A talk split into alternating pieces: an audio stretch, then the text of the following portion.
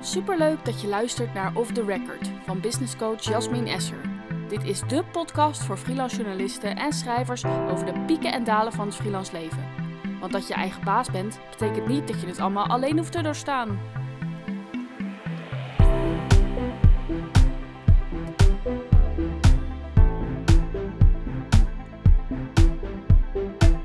Vandaag spreek ik met Joost Scheffers in het huis van zijn neef in Den Haag. Joost is namelijk maar even in Nederland. Hij woont nu acht jaar in Egypte, waar hij werkt als correspondent. Hij schrijft onder andere voor Trouw en het Nederlands Dagblad. Je kunt hem ook af en toe voorbij zien en horen komen op radio en tv. En hij werkt als fixer en producer voor tv-programma's. Over wat dat precies is en inhoud, straks meer. Maar ik ben eerst wel benieuwd, Joost. Als ik denk aan werken vanuit het buitenland, dan zie ik mezelf eerder als digital nomad. Met mijn laptop aan het strand of bij het zwembad, eh, lekker onder een palmboom aan het werk. Maar jij koos voor een drukke stad in het Midden-Oosten. Hoe ziet jouw leven eruit als je, als je daar bent? Uh, hoe woon je daar? Ik heb inderdaad gekozen voor uh, de miljoenenstad Cairo, waar dik 20 miljoen waarschijnlijk richting de 25 miljoen mensen wonen. En uh, dat is behoorlijk intens. Inmiddels woon ik wat wel in een wat goede wijk in de stad, wat meer de upper class wijk. En uh, heeft dat me wel heel veel rust gebracht. Wat houdt dat in dan? Is dat daar heel groen en villa's ik of zo? woon in een heel groene Ja. wijk met veel villa's om me heen. En de straat staat vol met BMW's, Audi's en Mercedes'en. Daar had ik in het begin heel veel moeite mee toen ik daar kwam. Want toen dacht ik van ja, ik kom niet, ik kom niet naar Egypte toe om in eh, zo'n eh, stomme buitenwijk te wonen. Ik, ik ga niet zoals al die andere buitenlandse studenten in het eh diplomatengedeelte zeg maar, eh, eh, van de stad wonen. En ik heb daardoor juist heel lang echt ja, tussen de typische Egyptenaren geleefd, om het zo maar even te noemen. Maar ja, dat was ook heel leuk. Je gaat elke dag naar buiten. Er zijn heel veel leuke theehuizen in de buurt. Maar in de loop der jaren, als je wat ouder wordt, heb je toch wat meer behoefte aan rust. En ben ik uiteindelijk wel blij dat ik dan net wat meer in een wat rustigere wijk ben gaan wonen. En ehm, waar ik een straat vol bomen heb. Ik hoor de vogeltjes fluiten als ik wakker word. En eh, als ik een interview voor radio of tv doe, kan zelfs mijn balkondeur openstaan. Zo stil is mijn straat. En ehm, Wanneer wist je dan, ik wil echt naar Egypte toe om daar te gaan wonen en daar correspondent te worden? Ehm, ik was al een aantal keer eh, op bezoek geweest in het Midden-Oosten. Ehm, Israël en de Palestijnse gebieden meerdere keren geweest. Turkije en Marokko.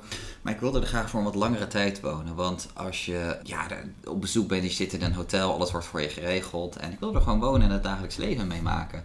En ehm, toen voor Cairo gekozen, omdat ik ook dacht van ja, Cairo is de grootste stad in het Midden-Oosten. En als ik dan Cairo aan kan, dus aanhalingstekens, dan ja, zal het vast wel goed gaan in het eh, Midden-Oosten. En ik dacht, en het Egyptisch-Arabisch, dat wordt door de gigantische Egyptische film- en muziekindustrie wordt overal wel begrepen. Dus ik dacht, nou ja, als ik dan wat Egyptisch-Arabisch oppik, kan ik daarna maar overal terecht. Ja, want die taal sprak je al op dat moment of niet? Ik had in Nederland een basiscursus aan de Volksuniversiteit gedaan, maar dat was het alfabet en een paar basale woordjes. En nou, toen heb ik eh, met de studie journalistiek in Utrecht, na, na wat regelwerk, eh, eigenlijk eh, een semester, een half jaar vrijgenomen. En van de vakken daar wel de studie geïnformeerd dat ik daar zou zitten.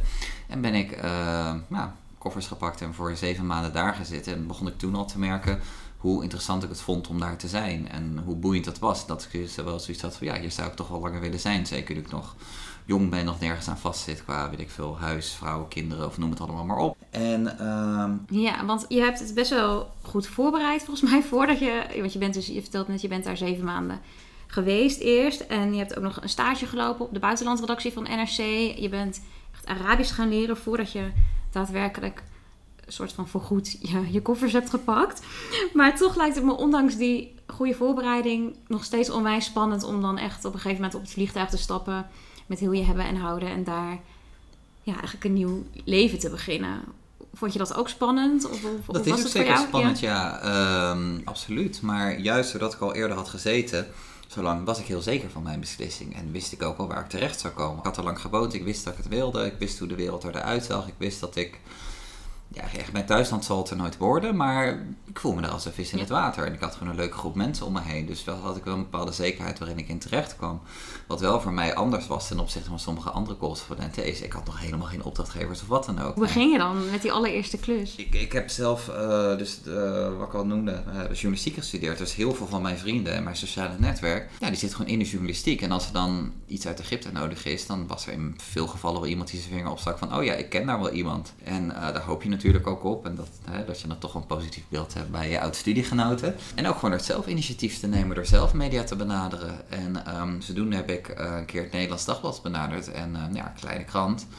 Ehm, maar die, die waren wel heel erg geïnteresseerd in verhalen. En daar kon ik toen mijn eerste verhaal in kwijt. En dat was echt een soort van, ja, mijlpaal voor mij in Egypte. En daarvoor had ik ook wat radiodingen gedaan. Wat, paar ook vrijwillige radiodingen gedaan. Om, om mezelf de radio maken aan te leren.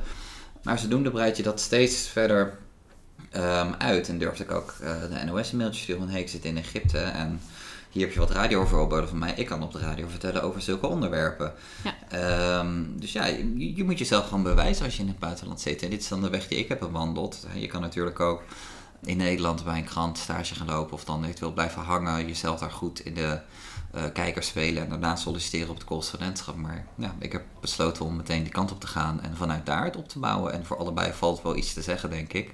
Maar ik heb voor deze weg gekozen en daar heb ik absoluut uh, geen spijt van. Want heb je ook nog overwogen om in loondienst correspondent te worden, om ergens te solliciteren? Ja, dat bestaat eigenlijk niet, niet meer vandaag de dag. Uh, de Nederlandse media die hebben enkel uh, wellicht nog een fulltime correspondent in de Verenigde Staten zitten, Berlijn of Brussel.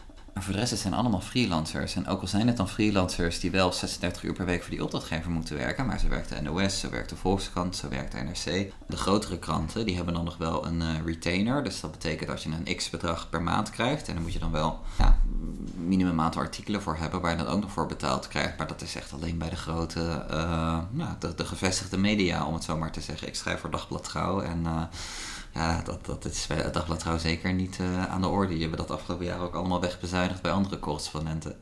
Was dat ook nog iets waar je over nadacht of, of misschien zelfs tegenop zag? Dat je dacht, oh, veel gedoe ook wel om mijn eigen inkomen bij elkaar te verzamelen?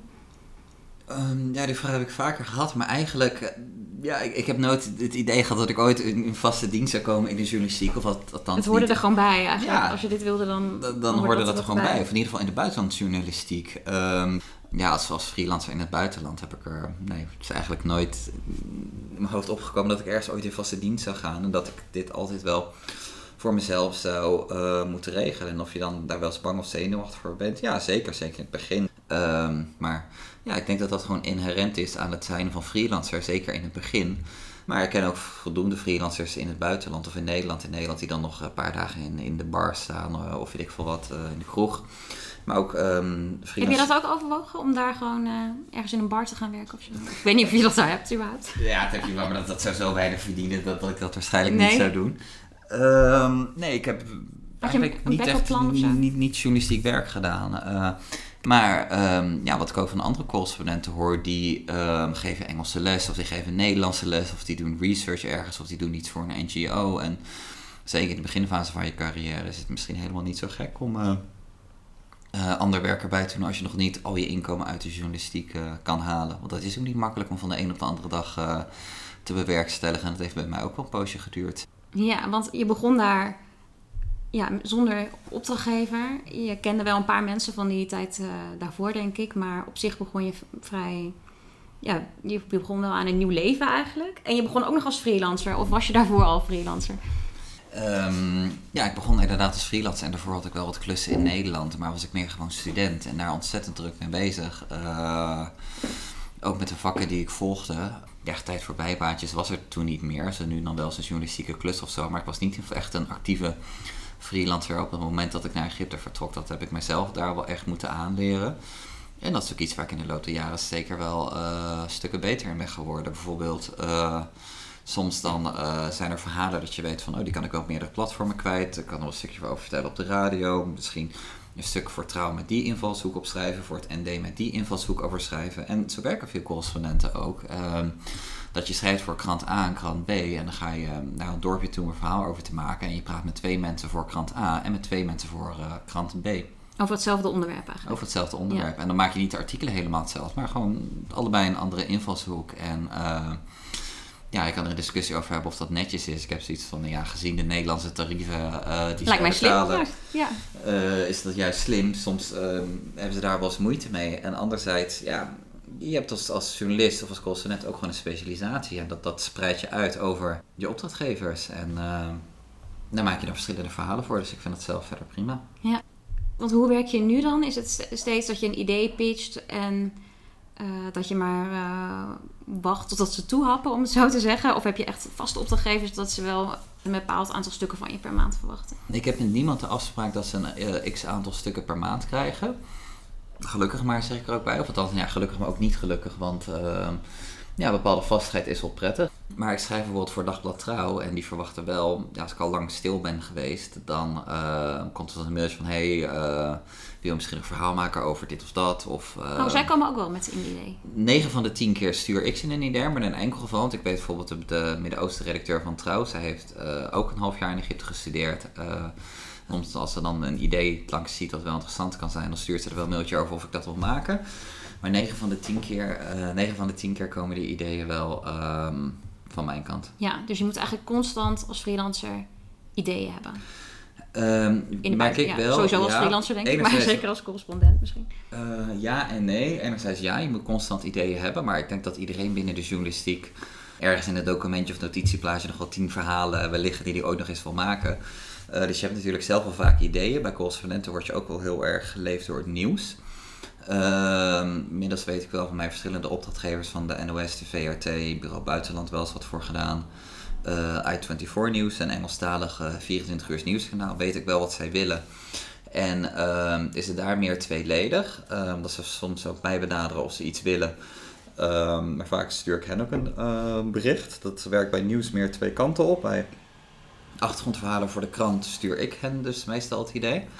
Ehm, dus enerzijds, ja, als er veel nieuws is of, of nieuws in Egypte gebeurt wat interessant is voor de Nederlandse media, dan worden die ideeën eigenlijk vanzelf wel bedacht en komen ze ook naar jou toe. Maar eh, ja, anders moet je zeker wel eh, goede ideeën hebben als freelancer. En op zich, ja, ik heb altijd wel ideeën genoeg. Dat is nooit een van mijn eh, pijnpunten geweest. Nou, gelukkig. Ehm, jij hebt genoeg werk. Vind je het dan... Hoe ervaar je de onzekerheid van of er altijd genoeg werk zal zijn? Of misschien financiële onzekerheid? Of zeg je het is echt heel stabiel eigenlijk al acht jaar? Ja, er is altijd wel onzekerheid. Bijvoorbeeld nu ook. Dan, ehm, ik heb nu al even niks voor trouw gedaan. En ehm, ik was bezig met het afronden van een artikel. En ben nu dan plotsklaps even in Nederland.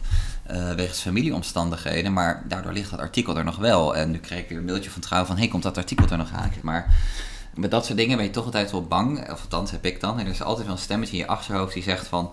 Ja, je kan gewoon van de ene op de andere dag een mailtje krijgen van... eh, Goh, Joost, was leuk, dank voor je verhalen, maar we willen niet meer met jou verder. En, als je nu één fout zou maken als je dat artikel dan verprutst of zo, dan... Ja, een artikel verprutsen, dat zou dan misschien nog wel een keer kunnen. Dat, dat zou ik me niet eens heel onzeker over voelen. Of een keer een minder artikel over schrijven. Je kan niet alleen maar goede dingen schrijven. Maar je moet gewoon constant blijven leveren. Ehm, nee, er speelt zeker altijd wat onzekerheid. Je kan zo worden vervangen door iemand. Je weet nooit precies wat er op die redactie gebeurt.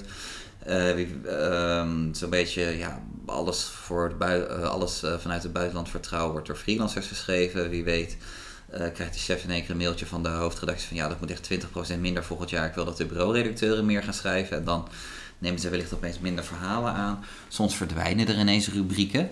Dat is ook al een paar keer gebeurd. Ja, zulke beslissingen kunnen altijd wel worden genomen. En dat soort onzekerheid zit er altijd wel in. Anderzijds, ja, ehm, je, je zit ook al zo lang op een plek. Je levert vooral voor langere tijd artikelen. Maar je kan gewoon zo gepiepeld worden. Dat, dat blijft gewoon een angst. Ook al zou dat er, die angst er wellicht eh, niet moeten zijn. Maar dat heb ik en hebben sommige andere correspondenten wel. Ja, want je zou ook...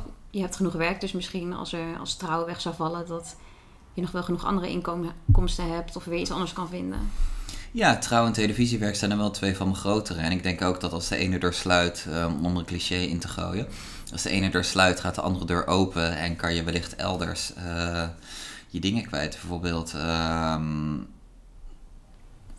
um, ik heb nu recent dat Sky News in één keer op mijn pad kwam uh, voor een klein klusje wat iets groters kon worden. En nou, daar even mee bezig geweest. En ja, nu heb ik wel in één keer een goede voet binnen de deur bij Sky News in uh, Groot-Brittannië. En die hebben verder niemand in Egypte zitten. Nou, dan zou ik toch wat meer uh, daar moeten investeren en kijken wat daar nog verder mogelijk is. Dus er kunnen altijd wel nieuwe dingen op je pad komen. En, uh, maar als in één keer een grote opdrachtgever wegvalt, dan ja, zou dat wel enorm veel kunnen schelen.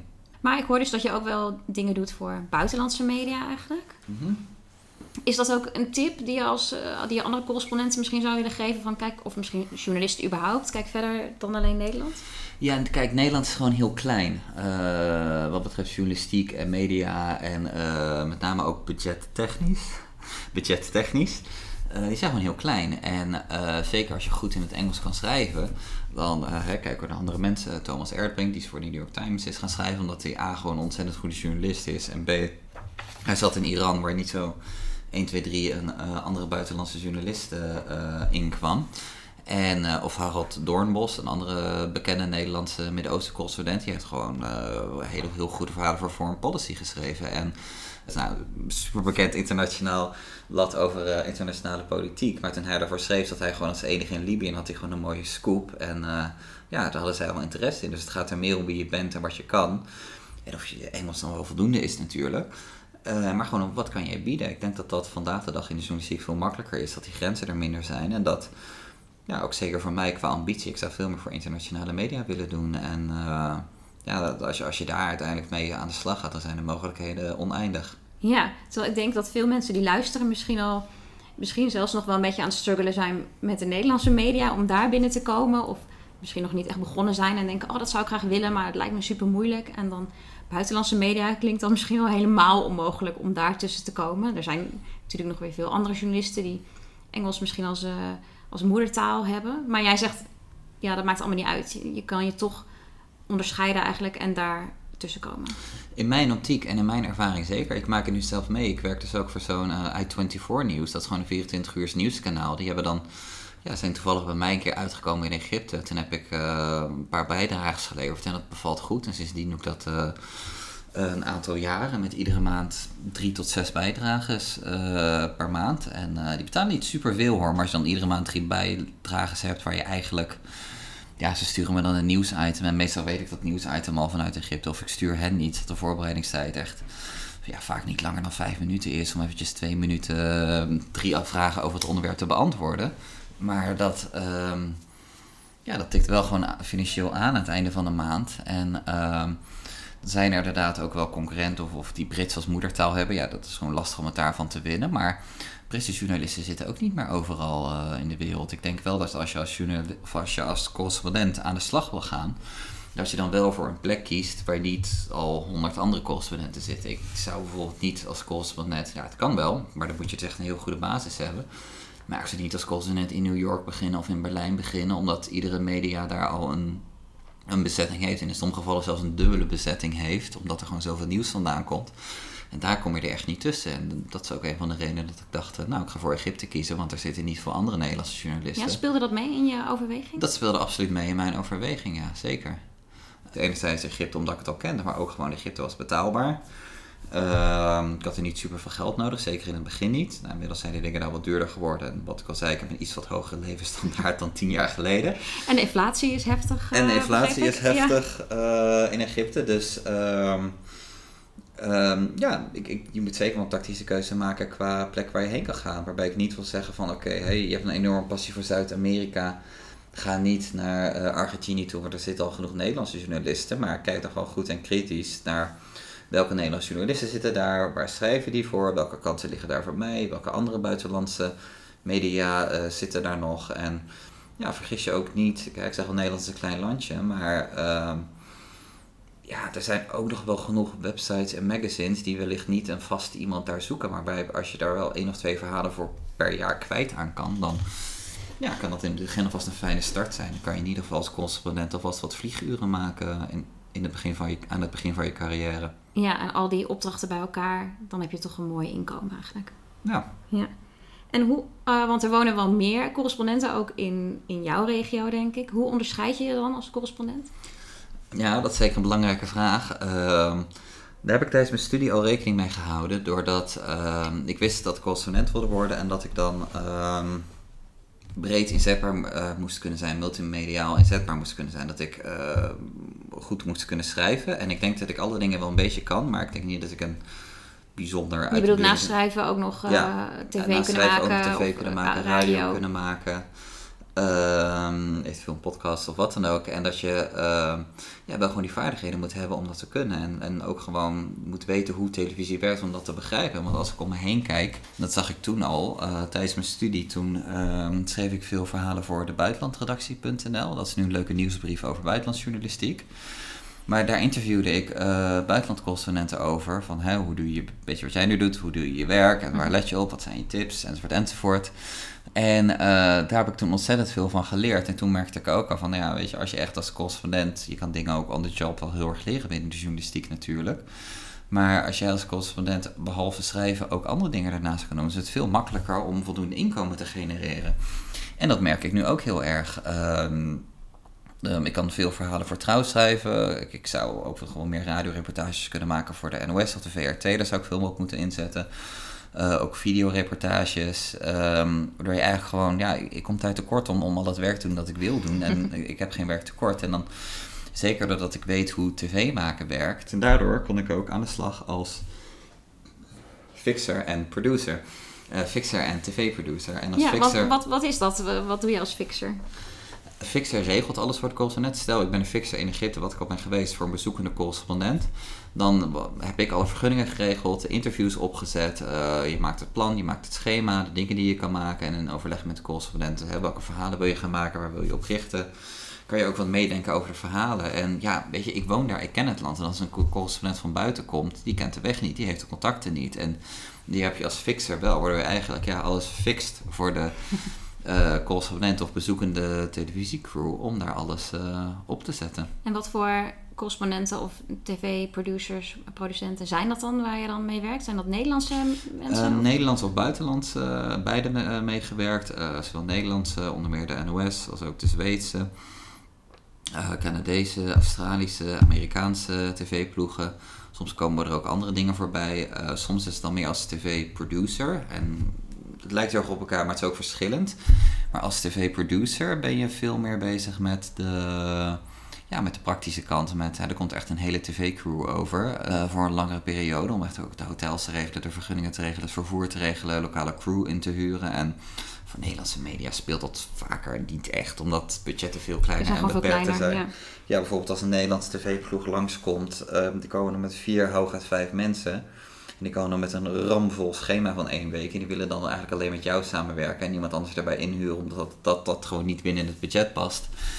En ja, als Amerikanen dan langskomen voor een tv-programma, dan komen ze met acht man ingevlogen. Ze blijven twee of drie weken. En uh, Daarnaast mag je dan nog 15 lokale mensen inhuren om uh, de crew compleet te maken. Dus dat is weer een heel andere koek waar je dan als... Uh, dat is ook wel leuk, denk ik. Dat je wat uh, ook groter level Ja, daar heb ik zeker wel van geleerd. Soms ook lastig, want dan kom je een beetje Amerikaanse standaard aan bij de Nederlandse media. en dan, ja, nee, dat budget hebben wij niet. dus ja, Nederland wil toch wel graag voor een dubbeltje op de eerste rij zitten wat dat betreft.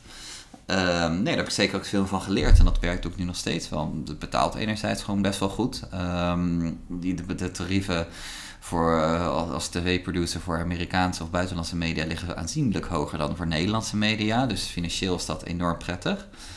Um, anderzijds, ja, je bent eigenlijk alleen maar aan het regelen. Het is niet echt journalistiek werk of wat dan ook. Het is, het is niet mijn droombaan of wat dan ook. Maar zo nu als je dan... interviews moet regelen, dat klinkt toch best wel journalistiek, vind ik. Dat is zeker leuk. En bij sommigen mag ik echt wel actief meedenken en um, dingen doen. Maar zoals nu ook, ik heb binnenkort, uh, als ik weer terug ga naar Egypte, een, vis, een uh, bezoekende tv-crew. En die hebben zelf al, oh, we willen die spreken, die spreken, die spreken. Daar hebben ze al alle contacten mee, alle contacten gelegd. Ook prima, makkelijk, weet je. Dat maakt mij voor mij verder niet uit, maar ja, je bent er eigenlijk alleen maar gewoon heel erg bezig met alle praktische zaken regelen. Dat is nou niet, uh, om het maar even zo te noemen, intellectueel inspirerend of, of, of inhoudelijk ergens mee bezig zijn, maar meer gewoon van, ja, uh, je bent gewoon een regelaar. En dat is niet, nou, wat ik al zei, krijg je niet de meeste energie van. Het is niet het leukste werk. Het, het leukste eraan is je werkt met andere mensen samen. Dat mis ik soms wel een beetje als correspondent. Je hebt echt een team en iedereen werkt gezamenlijk aan het bereiken van het doel van het maken van die reportage of documentaire. Dat is er wel heel leuk aan ja, echt, ja, alleen maar dingen regelen voor anderen, ook al word je er goed voor betaald. En dan zeker in het land. Is dat, is dat eh, de hoofdreden dat je het doet vanwege het geld? Nou, als ik heel eerlijk ben, wel ja. ja. Nee, kijk, het is, het is, het is met tv. Uh, je breidt je netwerk uit. Uh, het ligt een beetje binnen je straatje. Dat als de Amerikanen langskomen voor het programma 90 Day Fiancé, om een voorbeeld te noemen. Ja, want het is niet alleen journalistiek.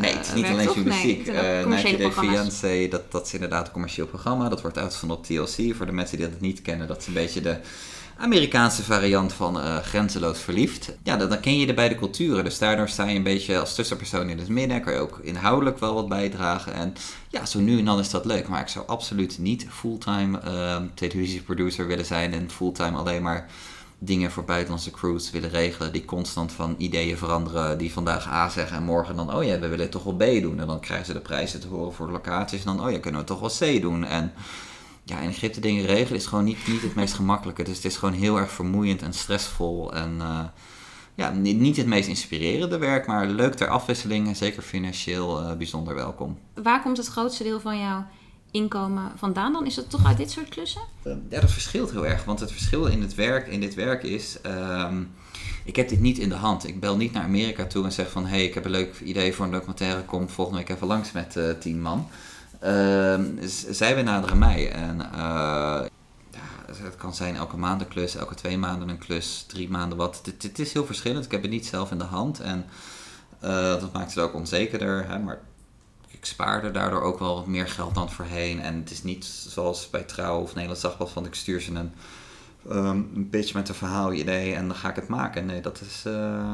Ja, want het werk wat je doet is dus heel... Het wisselt heel erg of je dan een keer zo'n fixer-klus hebt of niet. En je schrijft ook niet elke week wat voor Trouw. Maar is er, valt er iets te zeggen over hoe je gemiddelde werkweek er bijvoorbeeld uitziet? Um, daar valt zeker wel wat over te zeggen, ja. Want wat ik ook aan het doen ben, kijk, dat, wat, ik net al uitleg, dat televisiewerk als producer is gewoon heel veel regelwerk. En uh, dat kan gewoon grotendeels vanuit, ja, ik, ik werk vanuit huis, sommige anderen huren een kantoor. Ik vind dat in Egypte niet zo prettig, omdat je daar enerzijds heel veel geld voor moet neerleggen voor een kantoor, dat ik denk, moi, moi. En er is ook niet echt een werkcultuur zoals in Nederland, dus ik liever gewoon thuis. Uh, en ik sport in de vroege ochtenden. Uh, dus ik werk gewoon veel vanuit huis, vanuit mijn ja, vrij grote kantoorkamer in mijn grote Egyptische appartement. Uh, maar ik sta gewoon elke dag om 6 uur op. Uh, sport dan nog iedere ochtend. Ik hardloop en ik zwem. Um, als ik dan terugkom daarna bij het ontbijt, gewoon uh, het nieuws checken, het nieuws doornemen. Ik heb um, zo'n nieuwsbrief waarbij ik iedere dag zo'n round-up krijg van alles wat er in de Egyptische kranten die dag is verschenen. Dat lees ik dan. andere artikelen waar ik nog niet toe ben gekomen, lees ik dan. Ik bedenk wat interessant is voor Nederlandse of voor buitenlandse media. Uh, soms als ik met mensen in andere tijdzones samenwerk, dan word ik schots wakker en dan zitten er meteen alweer 10 e-mails en 20 WhatsAppjes uh, op mijn telefoon uh, die dan meteen beantwoord moeten worden. Dus ja, de meeste dagen die ik dan gewoon vanuit huis werk, ja, het zijn gewoon ja, kantoordagen eigenlijk. Zoals een, een je hebt zo'n beeld van, oh, als je dan in het buitenland werkt, dan ga je echt op, op, pad en met mensen op straat praten en zo. Maar dat het is, is ook gewoon natuurlijk veel achter je computer zitten en, en tikken en bellen en mailen en Absoluut. Wat iedere journalist doet. Inderdaad, ja. Ik denk dat ik als correspondent, als ik echt alleen maar journalistiek werk bezig ben, dan je komt zo wel een paar keer per week buiten de deur. Dat absoluut. Je spreekt met mensen af, je moet langs het perscentrum of, of elders om papieren te regelen. Je hebt altijd dingen te doen en gedoe. Dus je komt zeker wel buiten en op pad. Maar anderzijds is het inderdaad precies wat je zegt. Ook gewoon heel veel werk achter het uh, bureau. Ik denk zeker wel, voor mij nog gemiddeld genomen, misschien wel ja, ik probeer dan ook gewoon zo kort mogelijk op pad te zijn. Omdat het gewoon zo best wel gedoe is in een grote miljoenenstad waar het verkeer altijd vaststaat. Maar ik denk nog gewoon 70, 80 procent is uh, uh, bureauwerk. Nou, misschien ben je dan twee keer per week op pad voor een reportage. Maar dat gebeurt wat minder gauw. Maar als je dan twee keer per week op pad bent, dan ja, 60, 70 procent is en blijft gewoon bureauwerk, nieuws volgen, administratie. Is het dan wel nodig dat je daar überhaupt bent? Of kan je dit werk ook gewoon vanuit Nederland doen? Uh, deels wel. Tijdens een bezoek hier dan, dan ja, je staat eigenlijk altijd aan en uh, dingen kunnen altijd weer binnenkomen. En er zijn altijd wel wat dingetjes die ik moet regelen of, of, of mailtjes die ik nog moet antwoorden. Dus uh, ja, grotendeels kan je dat werk ook wel vanuit hier doen. Maar als er dan iets gebeurt, ja, dan wil je wel in dat land zijn. En dan, dan moet je er wel heen kunnen gaan. Dus dan wordt dat een lastig verhaal. Maar uh, nee, ook altijd als ik in Nederland kom. Ik kom dan ook niet één week naar Nederland. Of wat, ja, zeker tegenwoordig, die vliegtickets zijn echt behoorlijk duur geworden. Dan blijf ik meteen twee à drie weken. En dan ja, ben ik hier ook nog wel gewoon deels ehm, aan het werk. Zit ik niet twee à drie weken elke dag alleen maar biertjes met vrienden te drinken. Waarom niet? Um, dat ik toch blijf werken als ik hier ben. Ja. Um, daar zit heel veel ideeën achter.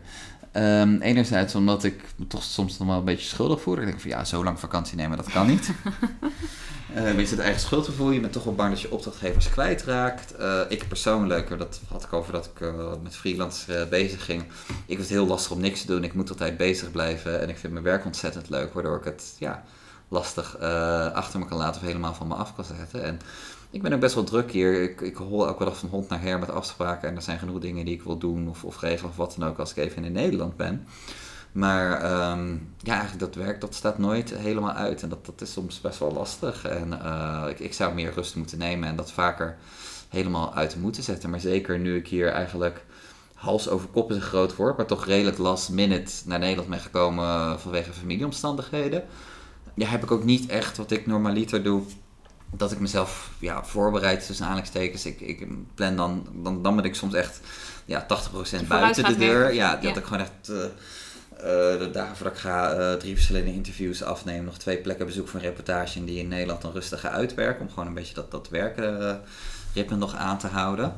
Maar ehm, ja, ik ben je vraag nu vergeten. Maar in het algemeen in mijn geval zou ik vaker rust moeten nemen Ja, want als ik in dat, Nederland dat ben. heb en- je wel eens eerder gezegd dat dat wel een van je grote uitdagingen Ja. is. Om, dat je eigenlijk altijd aanstaat. Hoe ga je daar dan mee om? Neem je überhaupt wel eens vrij? Ik, ik, ik neem dus vrij. Ehm, het, het is heel dubbel. Kijk, ik, eh, wat ik net zei, ik sport iedere ochtend. Dat is voor mij super belangrijk om, om, om eh, mijn hoofd een beetje op orde te houden voor het mentale. Plus ik zwem en ik hardloop, dat vind ik super leuk om te doen. En ook, ik begin de dag en ik heb al een momentje voor mezelf genomen. En dat is gewoon Ja, maar dat is eh, geen vakantie. Dat is geen vakantie, nee. Dat is, maar is wel misschien een manier om te dealen met de dagelijkse stress. Met de dagelijkse Ja. stress en de drukte van zo'n megastad. Ehm, dus dat doe ik wel. Maar ook soms dan ben ik ook wel eens in, in Egypte op vakantie. En dan, ja, dan doe ik ook wel eens, dan geef ik niet eens aan dat ik weg ben of zo. Denk ik van ja, weet je, trouwen of het Nederlands Dagblad. Goh, ik heb net, weet ik veel, afgelopen week twee artikelen ingediend. Als ik nu vijf dagen niks doe, dan zal er niemand eh, Nee. eh, achterover staan. Dus dat doe ik dan soms wel. Maar ja, als ik dan ergens aan het zwembad lig of zo, dan komt dan weer één zo'n verzoek binnen van, goh Joost, kan je even een interviewtje doen? Dan denk ik weer van, oh wacht, ik zit nu hier en hier en hier. En als ik even dit interview doe, dan is dit in een paar minuten gebeurd. En dan oh, heb ik eigenlijk al de halve vakantie terug. Weer niet, ja hoor, is goed, ik kan wel. Terwijl dat, ja, het is altijd een lastige afweging. Terwijl, zeker met de tv-interviews, daar zeg ik ook eens nee tegen. Want die vinden vaak... eh, dat nieuws eh, is dan meestal vaak ergens in de avond. Ja, ik ben echt niet elke avond thuis. En soms dan verkoop ik ze ook gewoon nee.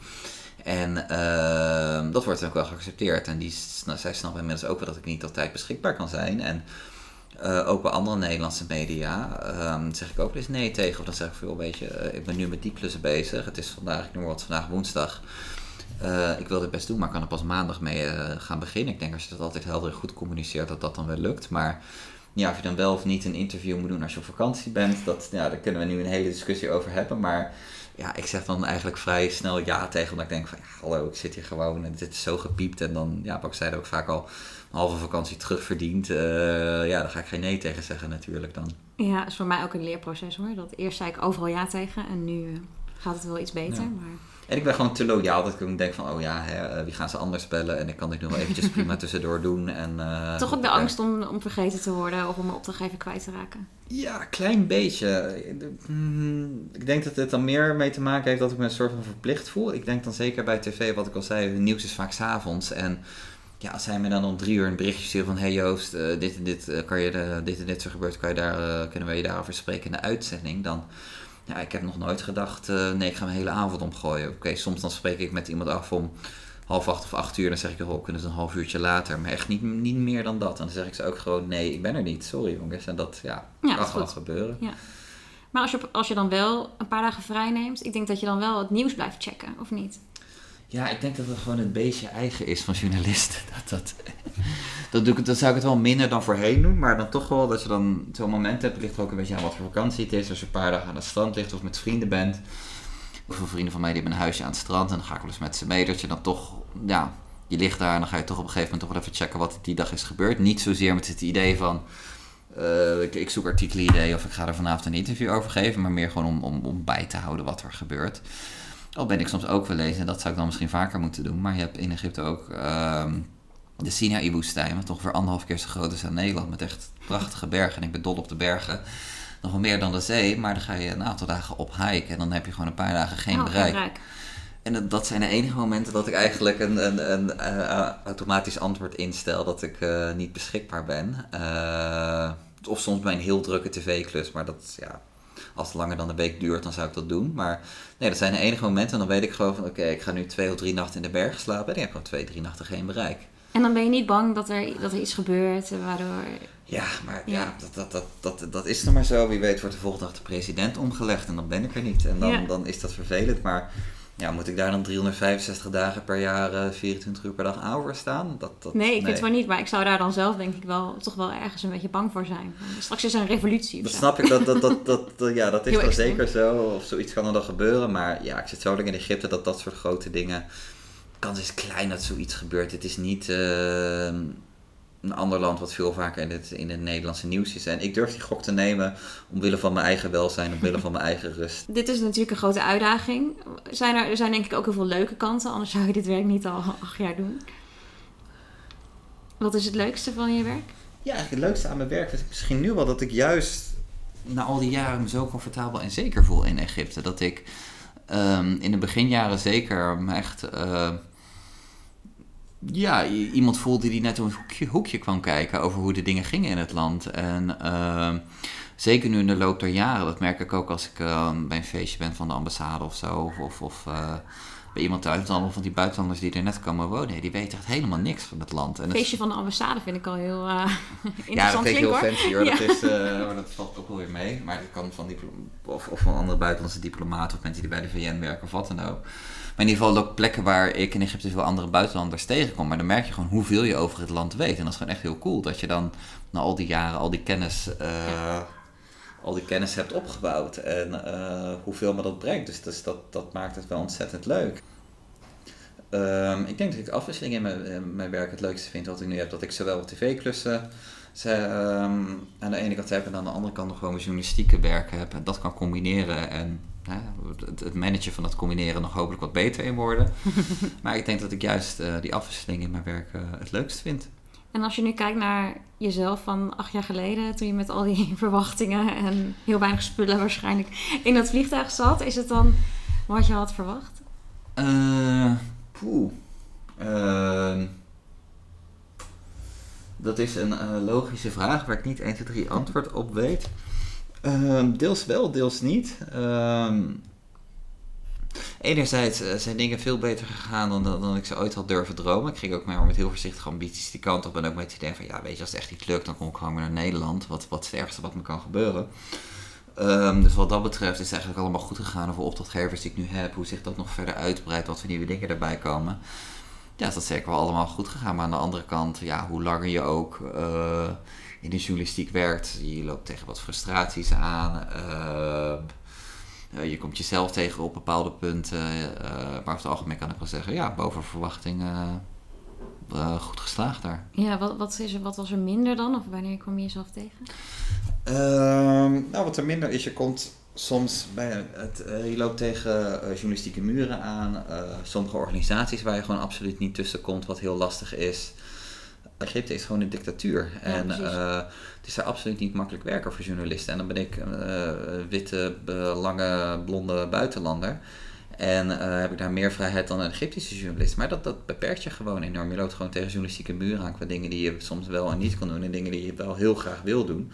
Zowel bij televisiewerk als journalistiek werk. Dat, dat is gewoon onmogelijk door de overheid. En dat is gewoon echt wel heel vervelend. Um, dus dat is zeker wel jammer. En ja, jezelf tegenkomen. Uh, ja, dingen waar je goed in bent, dingen waar je minder goed in bent. Ik denk dat je dat soort dingen ook wel Nederlands hebben. Maar wat ik al zei, um, ik zou veel meer rust moeten nemen om, om, om niet helemaal uh, krom te werken omdat ik nou eenmaal mijn werk zo leuk vind. Uh, ik zou beter moeten kunnen managen hoe ik met alle verschillende opdrachtgevers omga. Is ook al wel verbeterd de afgelopen jaar. En ik durf gewoon vaker nee te zeggen of gewoon te zeggen van ja, ik ga niet binnen een uur op, op al jullie appjes reageren jongens. ik ben een freelancer en ik heb ook nog andere klussen daarnaast. Uh, op die gebieden ben ik zeker wel meer opgekomen voor mezelf. En um, um, nou, heb ik daar wel stappen in gezet. En dat die journalistieke muren waar je tegenaan loopt, was dat iets wat je niet had zien aankomen voordat je daarheen ging? Uh, nee, niet helemaal. Omdat die vrijheid de afgelopen jaren echt ontzettend is ingeperkt in Egypte. En om dingen echt voor elkaar te krijgen. Kijk, als schrijversjournalist kan je nog altijd wel een beetje in het artikel noemen van... Hè, we wilden persoon A en B spreken, maar dat lukte echt niet. Of, of uh, die hebben anoniem en de namen zijn bekend bij de hoofdredactie. Dat soort dingen kon je schrijven nog wel, uh, kan je dat wel aan kwijt. Maar ja, aan televisiewerk, uh, als je daar televisie wil maken in Egypte, gewoon hoe dat helemaal is opgetuigd in Egypte. De zin, ja, de zin moet ik me vertalen naar het Nederlands van, uh, nou, het Engels gewoon, uh, Egypt is the worst country I, I ever worked in. Dat zeggen gewoon, zeggen gewoon letterlijk de helft van de mensen met wie ik te maken heb uh, qua televisiewerk. Omdat het gewoon zo'n drama is qua regelen van vergunningen, qua dingen voor elkaar krijgen, de belachelijk hoge bedragen die Egypte daarvoor vraagt, hoe dingen dan uiteindelijk nog lokaal gaan, hoe je wordt tegengewerkt. Het is echt een ontzettend lastig land om te werken. Wat ook weer meteen op mijn selling point is, want ik zit er al lang. Dat jij het wel regelt. Ja, ja, ik regel het wel. Ik spreek vloeiend Arabisch, dus dat biedt absoluut wel voordelen, maar dit is niet iets. Ja, ik, ik zie mezelf niet vruchtbaar uh, over tien jaar nog steeds met een glimlach op mijn gezicht tv-cruise ontvangen daar.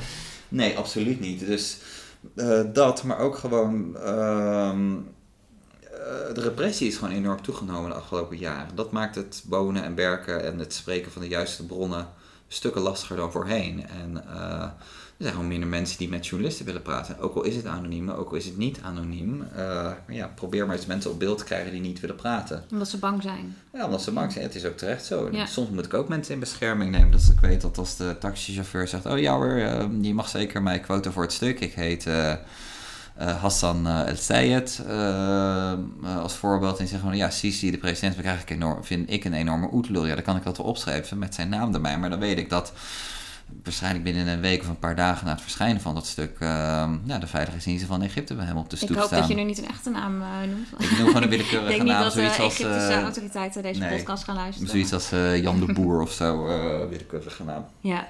Ja, maar dat is wel, dat lijkt me, ik maak er nu een grapje over, maar dat is natuurlijk heel heftig. Nee, dat is zeker heftig. Ja, dus hè, um, enerzijds ja, moeten mensen zelf rekening houden, maar anderzijds moet je ook als mensen in bescherming nemen en al dat soort dingen maken het werken in Egypte gewoon echt ontzettend lastig. En ik denk dat dat voor mij qua schrijvende journalistiek een van, lastig, een van de lastige dingen is. Dat iedere keer als ik gewoon een iets wat gevoeliger onderwerp heb.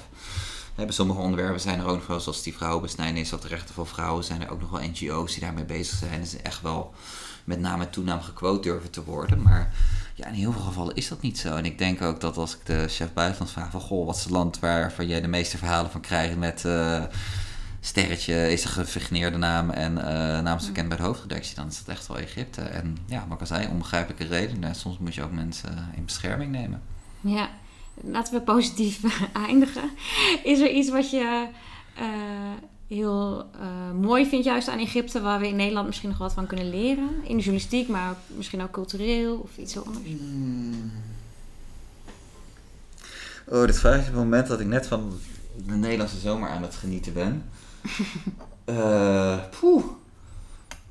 Er wordt in Egypte veel meer samen gegeten. Um, ik heb in Nederland, merk ik eigenlijk, maar weinig etentjes met vrienden. Ja, soms als het qua tijd technisch uitkomt, dan, dan spreek je wel samen met het eten af. Maar uh, want ik ook veel vrienden om me heen, maar wij komen maar weinig over de vloer om bij de ander te eten. We spreken liever om acht uur s'avonds na het eten af, gewoon omdat we geen zin hebben om voor de ander te koken. Of dat als we voor de ander koken, dan denken we dat we meteen uh, zes gangen op tafel moeten zetten. Terwijl ja, het is eigenlijk best wel gezellig om samen te eten. En uh, je maakt de avond wat langer, wat leuker en gezelliger. Ik denk dat we dat best wel wat vaker zouden kunnen doen. En uh, Egyptenaren zijn, Nederland staan erom bekend om makkelijk over koetjes en kalfjes te praten, ook in het buitenland. Maar ja, het Egyptenaren is gewoon makkelijk om met een vreemde het gesprek aan te gaan en een gesprekje aan te knopen of om hulp te vragen. En ja, in Nederland zijn de mensen toch wel wat meer op zichzelf gericht. Dus dat zijn dingen die ik wel waardeer aan de uh, Egyptische cultuur, de behulpzaamheid naar de ander toe. Dan gaan we nu naar de tip. Is er iets wat je de laatste tijd hebt gelezen wat je graag wilt delen met de luisteraars?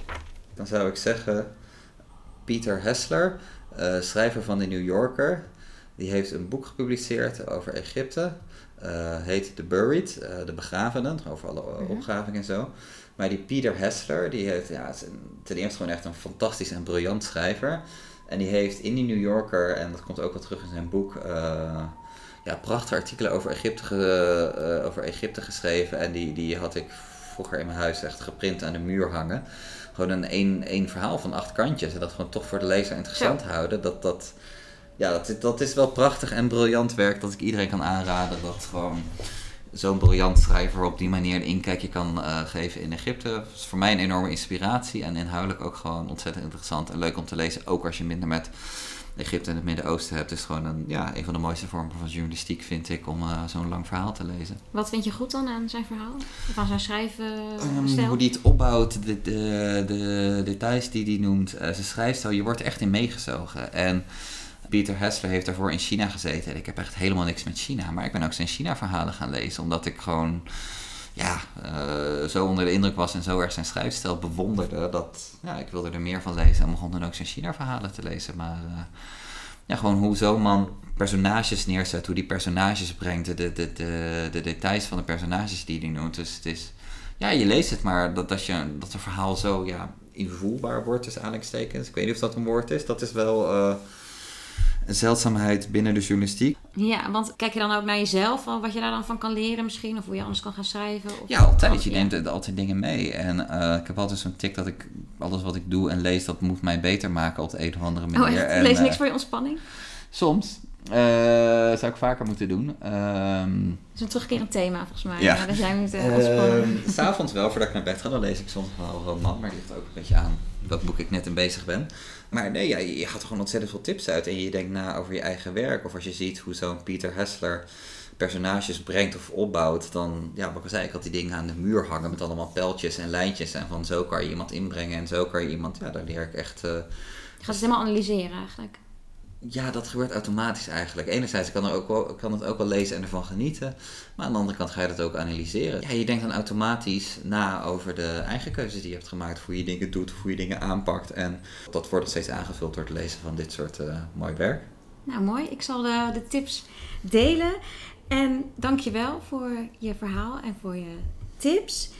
Jij bedankt voor het luisteren. Heb je een vraag of een freelance struggle? Stuur me dan gerust een berichtje. Uh, bijvoorbeeld een DM op Instagram, Jasmin Esser. Ik zou het natuurlijk ook heel leuk vinden als je iets wilt delen over deze aflevering of podcast. Zodat ik meer mensen kan bereiken met freelance tips en verhalen. En voor nu, tot de volgende keer.